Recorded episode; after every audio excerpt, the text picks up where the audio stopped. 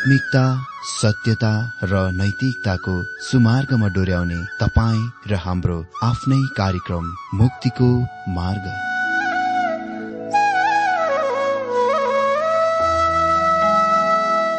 आदरणीय श्रोता यस मुक्तिको मार्ग कार्यक्रममा हार्दिक स्वागत छ। आशा छ यस आत्मिक कार्यक्रमद्वारा जीवनमा आत्मिक आशिष अलौकिक शान्ति र आनन्द प्राप्त गर्नुहुनेछ। र जीवनमा धन्य अनुभव गर्नुहुनेछ। आउनुहोस् श्रोता मन र आत्माको तयारीको लागि यो मिठो अनि मधुर भजन गीत सुनौ।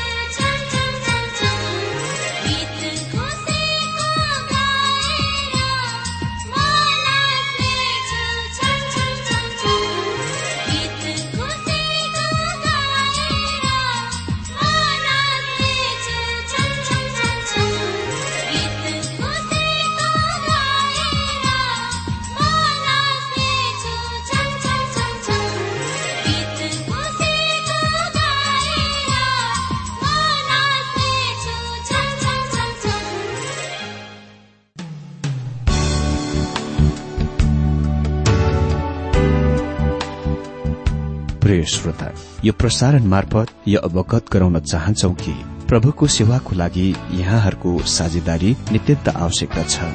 यहाँहरूले प्रार्थनाको साथसाथै आर्थिक सहायता गर्न अनुरोध गर्दछौ। तपाईँहरूको सानो भन्दा सानो भेटी किन नहोस्? हामी प्रभुको नाममा स्वीकार गर्नेछौ प्रभुको सेवाको लागि। तपाईँहरूको यो सानो लगानीले कसैको जीवनमा भिन्नता ल्याउँछ अनि प्रभुको महिमा हुन्छ? प्रभु तपाईँहरूलाई महान गरी आशिष दिनुहुनेछ। इच्छुक श्रोताहरूले तपाईँको इच्छा भेटी हाम्रो ठेगानामा पठाउन सक्नुहुन्छ जुन ठेगाना हामी कार्यक्रमको अन्तमा दिनेछौं। प्रिय श्रोता मित्र आज पनि यहाँ सबैलाई मेरो जयमसी साथै हार्दिक स्वागत छ यो बाइबल अध्ययन कार्यक्रममा। म आशा गर्दछु तपाई सबै आनन्द कुशलै हुनुहुन्छ म पनि आनन्द कुशलै छु प्रभुको अनुग्रहमा। श्रोता धेरै धेरै धन्यवाद तपाईँहरूका सुन्दर पत्रको लागि एसएमएसको लागि अनि तपाईँहरूले पठाउनु भएको दानको लागि भेटीको लागि सहायताको लागि साँच्चै नै परमेश्वरले यो हृदयको लागि यो हातको लागि धेरै नै आशिष दिनुहुनेछ। अनि उहाँको महिमा भइरहेको छ र आउने दिनमा यसरी नै परमेश्वरले तपाईँहरूका हृदयलाई हातहरूलाई आशिष दिनुभएको होस्। श्रोता उही समयमा तपाईँहरूले आफ्ना बहुमूल्य सुझावहरू लेख्नु भएको छ र आउने दिनमा पनि लेख्नुहुनेछ अनि उहाँहरूलाई पनि सुन्नको लागि उत्साह दिनुहुनेछ ताकि सबैले परमेश्वरको वचनबाट आशिष प्राप्त गर्न सकुन्। हुन्छ? अब हामी आजको बाइबल अध्ययनतिर लागौं। अनि यो श्रृंखला र क्रमबद्ध बाइबल अध्ययनमा आज हामी जकरिया चौध अध्यय एकदेखि पाँच पदबाट ख्रिष्टको आगमनका तथ्यहरू र विशेषताहरू विषय अन्तर्गत बाइबल अध्ययन गर्नेछौ। जकरिया चौध अध्ययको एक पदमा यस प्रकार लेखिएको छ। परमप्रभुको एउटा यस्तो दिन आउँदैछ। जब तिमीहरूबाट लुटिएको लुट तिमीहरूकै बीचमा बाँडिनेछ। परमप्रभुको यस्तो दिन आउँदैछ। यहाँ फेरि हामीसँग यो ध्यान खिच्ने कथन छ। परमप्रभुको दिन। मित्र यहाँ चौध अध्यायको पहिलो अध्यायहरूमा हामी यरुसलेमका घेराबन्दीको देख्छौ। त्यसपछि पद चारदेखि सात पदमा हामी ख्रिष्टको व्यक्तिगत आगमनको देख्छौ। हामीले यो पुस्तकको अन्य अध्यायहरूमा यी सबैको देखिसकेका छौं। तर अहिले यहाँ चाहिँ अलिकति बेग्लै कोणबाट प्रस्तुत गरिएको छ। उदाहरणको निम्ति महाक्लेश अवधिको सम्बन्धमा र यरुसलेमको घेराबन्दीको सम्बन्धमा जुन अन्य अनुच्छेदहरूमा महत्वपूर्ण कुरा चाहिँ त्यसको पछिल्लो भाग र त्यहाँ आएको छुटकारामाथि थियो। र जकरियाले मानिसहरूलाई तिनीहरूको उत्साहको लागि भविष्यवाणी गरिरहेका थिए। तर यहाँ हामी देख्छौ कि परमप्रभुको दिनको त्यस अवधि वास्तवमा कति दय दर्दनीय समय हुन गइरहेको छ। जोयले भनेथे कि परमप्रभुको दिन ज्योतिको दिन हुँदैन तर यो अन्धकारको दिन हो। यो अन्धकारमा आरम्भ हुन्छ। हाम्रो लागि यी मानिसहरूको त्यस अवधिमा असह्यता र आशाविहीनता बुझ्नलाई कठिन छ। भनिएको छ परमप्रभुको त्यस्तो दिन आउँदैछ। मित्र यो कुनै त्यस्तो अभिव्यक्त हो जुनले त्यो दिनको संकेत गर्दछ।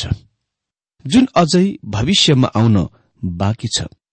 मण्डली चर्च यो पृथ्वीबाट स्वर्गीय यात्रामा हटाइएपछि ख्रिष्ट विरोधीले पृथ्वीमा महाक्लेश ल्याउँछ। यद्यपि मानिसहरूले विश्वास गर्नेछ कि त्यसले शान्तिको आदर्श राज्य ल्याइरहेछ तर त्यसले महाक्लेश पो ल्याउनेछ। अन्त्यो परमप्रभुको दिन त्यस महाक्लेश कालसँग आरम्भ हुनेछ। एक पदमा लेखिएको छ परमप्रभुको एउटा यस्तो दिन आउँदैछ। जब तिमीहरूबाट लुटिएको लुट तिमीहरूकै बीचमा बाँडिनेछ। शत्रुहरूले फेरि यरुसलेमलाई लिन गइरहेका छन् र यो अन्तिम घेराबन्दी हुनेछ। अनि दुई पदमा लेखिएको छ म सबै जातिहरूलाई यरुसलेमको विरूद्ध लडाई गर्नलाई भेला गराउनेछु र यो सहर लिइनेछ र घरहरू लुटिनेछन् र स्वास्थ्य मानिसहरूलाई बलात्कार गरिनेछ। शहरको आधा भाग निर्वासन गरिनेछन् तर बाँकी रहेका मानिसहरू चाहिँ शहरबाट अलग लगिने छैनन्।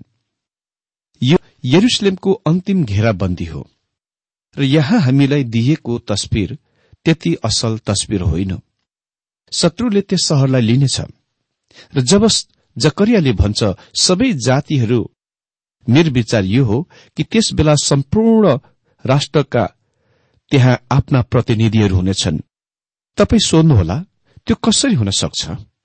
हजुर आज हामीसँग उही एउटै कुरा संयुक्त राष्ट्रहरूको सँगसँग छ। अहिले यस वर्तमान समयमा संयुक्त राष्ट्र संघका सेनाहरू इसरायलमा छन्। सिपाहीहरू सेनाहरू विभिन्न राष्ट्रहरूबाट आउँछन् र तिनीहरूले शत्रु र इसरायल बीच मध्यवर्ती राज्यको रूपमा अधिक या कम सेवा गर्दछन्। यो त्यस दिनमा बेग्लै अलगै हुनेछ। तर सम्पूर्ण राष्ट्रहरूको प्रतिनिधित्व गर्ने सेनाहरू नै त्यस शहरको विरूद्ध आउनेछन् र तिनीहरूले त्यस शहरलाई लिनेछन्। भनिएको छ म सबै जातिहरूलाई यरुसलेमको विरूद्ध लड़ाई गर्नलाई भेला गराउनेछु र यो सहर लिइनेछ र घरहरू लुटिनेछन् र स्वास्थ्य मानिसहरूलाई बलात्कार गरिनेछ। शहरको आधा भाग निर्वासन गरिनेछ तर बाँकी रहेका मानिसहरू चाहिँ शहरबाट अलग लगिने छैनन्। मित्र निश्चय नै कोही कोही त्यस बेला उम्कने योग्य हुनेछन् वा उम्कन सक्नेछन्। त्यहाँ कोही कोही छन् म लगायत जसले विश्वास गर्दछ कि गुफा जस्तो तिनीहरू सम्भवत पहराको पत्थरभित्र पेट्राको शहरमा जस्तै छिप्नेछन्। त्यो पेट्राको सहर आज पनि अस्तित्वमा छ। माजेगडा पनि अर्को असल स्थान हुनेछ। त्यहाँ नै सत्तरी इस्वी सम्बतमा टाइटस रोमी सम्राटद्वारा आक्रमणको समयमा यहुदीहरू छिपेथे भागेथे। तर एउटै मात्र कुरा के छ भने मसादा निश्चय नै बम वर्षाउनेहरूको लागि असल निशाना बन्नेछ। यदि तिनीहरू त्यहाँ गए म विश्वास गर्दछु कि पहराको पत्थर भित्रको गुफा जस्तो त्यो स्थान हुनेछ जहाँ तिनीहरू भाग्नेछन् छिप्पिनेछन् यो निराशजनक कुरा हो कि यी कुराहरू यी मानिसहरूलाई जकरियाद्वारा प्रकट गरिएको छ। सहर लिइनेछन् र घरहरू लुटिनेछन् र स्वास्थ्य मानिसहरूलाई बलात्कार गरिनेछन्। यिनै कुरा जकरियाले यहाँ उल्लेख गर्छन्। अनि तीन पदमा लेखिएको छ तब युद्धको दिनमा लड़ाई गरे झै परम प्रभु निस्केर ती जाति जातिहरूसित लड़ाई गर्नुहुनेछ। मित्र यो चाहिँ छुटकारा दिनेको तस्विर हो जो आइरहेको छ। यो समयमा तिनीहरूको यहुदीहरूको सहायता उत्तरबाट वा दक्षिणबाट वा पूर्व र पश्चिमबाट आउने छैन। तर तिनीहरूका सहायता परमप्रभुबाट आउनेछ। स्वर्गीय र पृथ्वीको सृजन हुनेबाट। अनि यो छुटकारा दिनेवाला प्रभु येशु स्वयं हुनुहुन्छ। यो पृथ्वीमा यी मानिसहरूलाई छुटकारा दिन आइरहनु भएको छ। चार पदमा लेखिएको छ त्यस दिन उहाँका खुट्टाले यरुसलेमको सामु पूर्वतिर भएको जैतुन डाँडामा टेक्नेछ अनि पूर्वदी पश्चिमसम्म जैतुन डाँडाको बीचमा धाँधो फाट्नेछ र त्यहाँ एउटा ठूलो खोल्सा बनिनेछ। आधा पर्वत उत्तरतिर र आधा पर्वत दक्षिणतिर छुटिनेछ। त्यस दिन उहाँका खुट्टाले जैतुन डाँडामा टेक्नेछ। यो अति नै महान कथन हो। अनि यो एकदम अक्षरस वा शाब्दिक हो। जैतुनको डाँडा एकदम साँच्चीकै जैतुन डाँडा हो। यरुसलेम साँच्चीकै यरुसलेम हो र यी मानिसहरू साँच्चीकै यहुदी मानिसहरू हुन्। जब प्रभु येशु ख्रिष्ट आउनुहुन्छ उहाँका खुट्टाहरूले जैतुन डाँडामा टेक्नेछ। जब जकरियाले उहाँको खुट्टा भन्छन् उसको मतलब उहाँका साँच्चीकै खुट्टाहरू हुन्। उहाँका हातहरू होइनन्। जकरियाले भन्छन् उहाँका खुट्टाहरूले जैतुन डाँडा टेक्नेछ। त्यहाँ नै उहाँको खुट्टाले टेक्नेछ। म एउटा यस्तो विचार मान्ने व्यक्ति हुँ। यदि मानिसहरूले मिसाइल रकेट बनाउन सक्छ र त्यो चन्द्रमामा जुनमा जान सक्छ र त्यहाँ केही समय बिताएर फेरि वापस फर्की आउँछ भने निश्चय नै जैतुन डाँडामा ख्रिस्टले टेक्ने कुरामा वा छुने कुरासँग परमेश्वरलाई कुनै समस्या पाउन गइरहनु भएको छैन। मलाई त्यस्तो लाग्दैन। उहाँ आज महिमित ख्रिस्ट हुनुहुन्छ। उहाँका ती खुट्टाहरूको काँटीले छेदिएका दामहरू छन् छापहरू छन्। जब उहाँले यो पृथ्वी छोड्नुभयो ती खुट्टाहरूले जैतुन डाँडा छोडेथे र उहाँ जैतुन डाँडातिर फेरि वापस फर्केर आइरहनु भएको छ। जब उहाँ दोस्रो पल्ट आउनुहुन्छ यो नै उहाँका चेलाहरूलाई भनियो जब उहाँ स्वर्गीय रहण हुनुभयो स्वर्गतिर चढी जानुभयो। दुई साक्षीहरू आएर भने प्रेरित एक अध्ययको एघार पदमा यस प्रकार लेखिएको छ। तिनीहरूले भने गालिलका मानिसहरू हो तिमीहरू किन आकाशतिर हेर्दै उभिरहेका छौ? यही यीशु जो तिमीहरूबाट स्वर्गीयमा लगिनुभयो। अहिले जसरी तिमीहरूले उहाँलाई स्वर्गीयमा जानुभएको देख्यौ त्यसरी नै उहाँ फेरि आउनुहुनेछ। यो त्यसको परिपूर्णता हो जुन भविष्यमा हुन गइरहेको छ। कहिले? परम प्रभुको दिनमा। त्यस समयमा जब तिनीहरू महान समस्यामा हुन्छन् र जब यरुसलेमलाई अन्तिम पल्ट फेरि घेरा गरिनेछ र त्यस सहरलाई लिइनेछ। भनिएको छ यरुसलेमको सामु पूर्वतिर भएको जैतुनको डाँडामा टेक्नेछन्। यो पूर्व दिशाको उल्लेख संजोग आकस्मिक कथन होइन। तपाई पूरा शास्त्रभरि यो कुरा देख्नुहुनेछ कि इसरायलको लागि सहायता पूर्वबाट आइरहेको छ। यो नै कारण तिनीहरूले पूर्वको ढोकातिर ठूलो ध्यान दिन्छन् जुनलाई कसै कसैले सुनको ढोका पनि भन्छन्। म व्यक्तिगत रूपले विश्वास गर्छु कि सुनको ढोका चाहिँ त्यो मन्दिरको ढोका हो जुनको निर्माण गरिनेछ। यदि तपाईँ यसलाई सुनको ढोका भनेर बोलाउन चाहनुहुन्छ भने ठिकै छ त्यही गर्नुहोस्। त्यो पूर्वको ढोका हो। उहाँ सम्भव पूर्वबाट भित्र आउनुहुनेछ। इजिकेले पनि हामीलाई भन्छन् कि सहायता कहाँ पूर्वबाट आइरहेको छ। म सोच्दछु यो कुरा एकदम चाखलाग्दो कुरा छ। जबदेखि इसरायल राष्ट्रको रूपमा स्थापन भयो त्यस बेलादेखि सधैँ अमेरिका इसरायलको पक्षमा उभिएको छ। तर त्यो राष्ट्र पश्चिमेली राष्ट्र हो। वास्तविक सहायता तिनीहरूको लागि परम प्रभुबाटै आइरहेको छ। र यसरी यस भविष्यवाणीको परिपूर्णताले अहिलेसम्म त्यहाँ अझै स्थान लिएको छैन। भनिएको छ अनि पूर्वदेखि पश्चिमसम्म जैतुन डाँडाको बीचमा धाँधो फाट्नेछ र त्यहाँ ठूलो खोल्सा बनिनेछ। आधा पर्वत उत्तरतिर र आधा पर्वत दक्षिणतिर छुटिनेछ। मित्र त्यस बेला अति नै महान भौतिक परिवर्तनले स्थान लिन गइरहेको छ जुन यहाँ उल्लेख गरेको छ त्यहाँ अति नै ठूलो भूकम्प या भुइँचालो हुनेछ र जैतुन डाँडा दुई चिरामा फाटो हुनेछ। आधा भाग चाहिँ उत्तरतिर जानेछ भने आधा भाग चाहिँ दक्षिणतिर जानेछ। अनि त्यहाँ एउटा ठूलो खोल्सा बनिनेछ। यहाँ उल्लेखित खोल्सा चाहिँ बेसी हो सम्म परेको ठाउँ।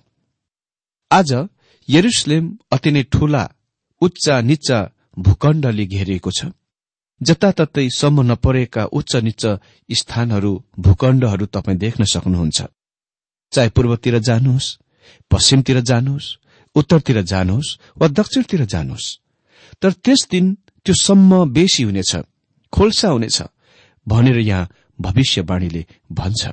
चार पदमा लेखिएको छ त्यस दिन उहाँका खुट्टाले यरुसलेमको सामु पूर्वतिर भएको जैतुन डाँडामा टेक्नेछन् अनि पूर्वदेखि पश्चिमसम्म जैतुन डाँडाको बीचमा धाँधो फाट्नेछ र त्यहाँ एउटा ठूलो खोल्सा बनिनेछ। आधा पर्वत उत्तरतिर र आधा पर्वत दक्षिणतिर छुटिनेछ। पाँच पद तिमीहरू मेरो पर्वतको खोल्साबाट भएर भाग्नेछौ किनकि त्यो आसिलसम्म फैलिनेछ। यहुदाका राजा उजियाको पालोमा आएको भूकम्पमा मानिसहरू भागे झै तिमीहरू भाग्नेछौ। तब परमप्रभु मेरा परमेश्वर उहाँका सबै पवित्र जनहरूसँग आउनुहुनेछ। तिमीहरू मेरो पर्वतको खोल्साबाट भएर जानेछौ। यो नै एक कारण हो कि धेरै टिप्पणीकारहरू बाइबलविदहरू विश्वास गर्छन्। तिनीहरू पुरानो एदमको देशमा स्थित पहराको विशाल पत्थरभित्र पेट्राको सहरमा भाग्नेछन्। तर पनि यो नै ठिक अर्थ हो भनी हामी अडियल वा हटी हुन सक्दैनौ किनकि शास्त्रले त्यो भनेको छैन। यो चाहिँ एक प्रकारको विचार वा अनुमान मात्र हो। भनिएको छ तब परमप्रभु मेरा परमेश्वर उहाँको सबै पवित्र जनहरूसँग आउनुहुनेछ। यो शास्त्रको अति नै चाखलाग्दो अनुच्छेद हो। हामीले यसको प्रकाश उन्नाइस अध्यायमा पनि पाउँदछौ। जहाँ हामीलाई भनिएको छ कि स्वर्गीयका सेनाहरूले उहाँलाई पछ्याउनेछन्। एक क्षणको निम्ति आउनुहोस्। रोमी एघार अध्यय पच्चिस पदमा हेरौं जुनले भन्छ भाइ हो आफ्नै अभिमानमा तिमीहरू बुद्धिमान हुन खोज्छौ कि भनेर तिमीहरू यो रहस्य बुझ भन्ने म चाहन्छु। कि अन्य जातिहरूको संख्या पूर्ण नभइन्जेलसम्म इसरायलीहरूको एक अंशमा कठोरता आएको छ। फेरि रोमी एघार अध्यय छब्बीस पदमा हामी पढ्छौं यसरी सारा इसरायलको उद्धार हुनेछ जस्तो लेखेको छ उद्धार सियोनबाट आउनुहुनेछ। उहाँले याकुबबाट अधर्म हटाउनुहुनेछ। यो समय निश्चय नै अहिलेसम्म आएको छैन। प्रभु येशुको पहिलो आगमनले निश्चय नै यस कुराको शर्त पूरा गरेको छैन। र केही संख्यामा वर्तमान यहुदीहरूको आफ्नो मुलुकमा फर्काइले यी शास्त्रहरूको कुनै पनि भविष्यवाणीहरूको शर्त पूरा गरेको छैन। त्यसकारण अहिलेसम्म यो भविष्यवाणी पूरा भएको छैन। छ र सात पदमा लेखिएको छ त्यस दिन न त उज्यालो हुनेछ न ठण्डा हुनेछ न तुसारो पर्नेछ त्यस दिनमा रात हुने छैन। त्यो एउटा अनौठो दिन हुनेछ जो परम हुन्छ। जब साँझ पर्छ तब उज्यालो रहनेछ। मित्र त्यसबेला पृथ्वीको उज्यालो पार्ने कुरामा परिवर्तनहरू हुनेछन्। हामी त्यस अवधिमा भएर अगाडि पृथ्वीमा राज्य स्थापन गर्न ख्रिष्टको आगमनतिर बढ़िरहेका छौं। यो निश्चय नै परमप्रभुको दिनको निश्चित संकेत हो जुन वास्तवमा छब्बीस घण्टाको दिन होइन। मित्र हामीले आज यस विषय ख्रिष्टका आगमनका तथ्यहरू र विशेषताहरू अन्तर्गत देख्यौं। सर्वप्रथममा चौध दिएको एकदेखि तीन पदमा यरुसलेमको अन्तिम घेराबन्दी त्यसपछि पद चारदेखि सदमा ख्रिष्टको व्यक्तिगत आगमन अनि अर्को दिन पनि हामी ख्रिष्टको आगमनको तथ्यहरू र विशेषताहरू अन्तर्गत बाइबल अध्ययन गर्नेछौ। परमेश्वरले आजको यो बाइबल अध्ययनद्वारा हरेकलाई धेरै धेरै आशिष दिनुभएको होस्।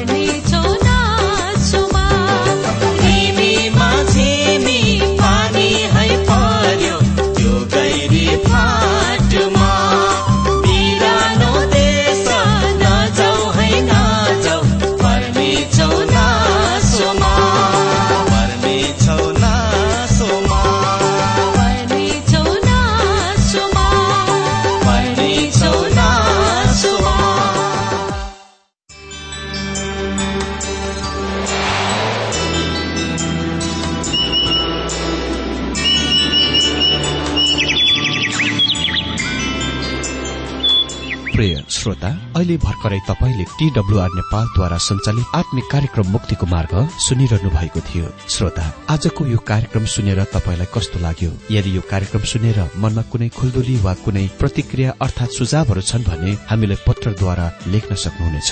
हामी हृदयदेखि नै स्वागत गर्नेछौ स्वीकार गर्नेछौ साथै बाइबल सम्बन्धित प्रचारहरू कार्यक्रम सारणीहरू हामी अनुरोधमा पठाउन सक्छौ। अनि तपाईँसँग कुनै प्रार्थनाको विषय छन् भने हामीले तपाईँको लागि प्रार्थना गरेको चाहनुहुन्छ भने प्रभुमा आफ्नै परिवार सम्झेर हामीलाई पत्रमा लेख्न सक्नुहुनेछ। तपाईँको लागि हामी प्रभु येशुसँग प्रार्थना गर्नेछौ। अधिक जानकारी र पत्रचारको लागि हाम्रो ठेगाना यस प्रकार छ। कार्यक्रम मुक्तिको मार्ग जीपीओ नम्बर उनानब्बे पचहत्तर एपीसी पच्चिस एकसठी काठमाडौँ। ठेगाना एकपल्ट सुन्नुहोला। कार्यक्रम मुक्तिको मार्ग जीपीओ नम्बर उनानब्बे पचहत्तर एपीसी पच्चिस एकसठी काठमाडौँ। हाम्रो इमेल एड्रेस हो TWR Nepal at Yahoo dot com साथै यस नम्बरमा एसएमएस गर्न सक्नुहुनेछ। अन्ठानब्बे चार सत्तरी पैतिस छ सय उनासी नौ आठ चार सात जिरो तीन पाँच छ सात नौ। हुन्छ श्रोता आजलाई हामी विदा चाहन्छौ। अर्को कार्यक्रममा हामी पुनः भेट्नेछौ तबसम्मलाई नमस्कार।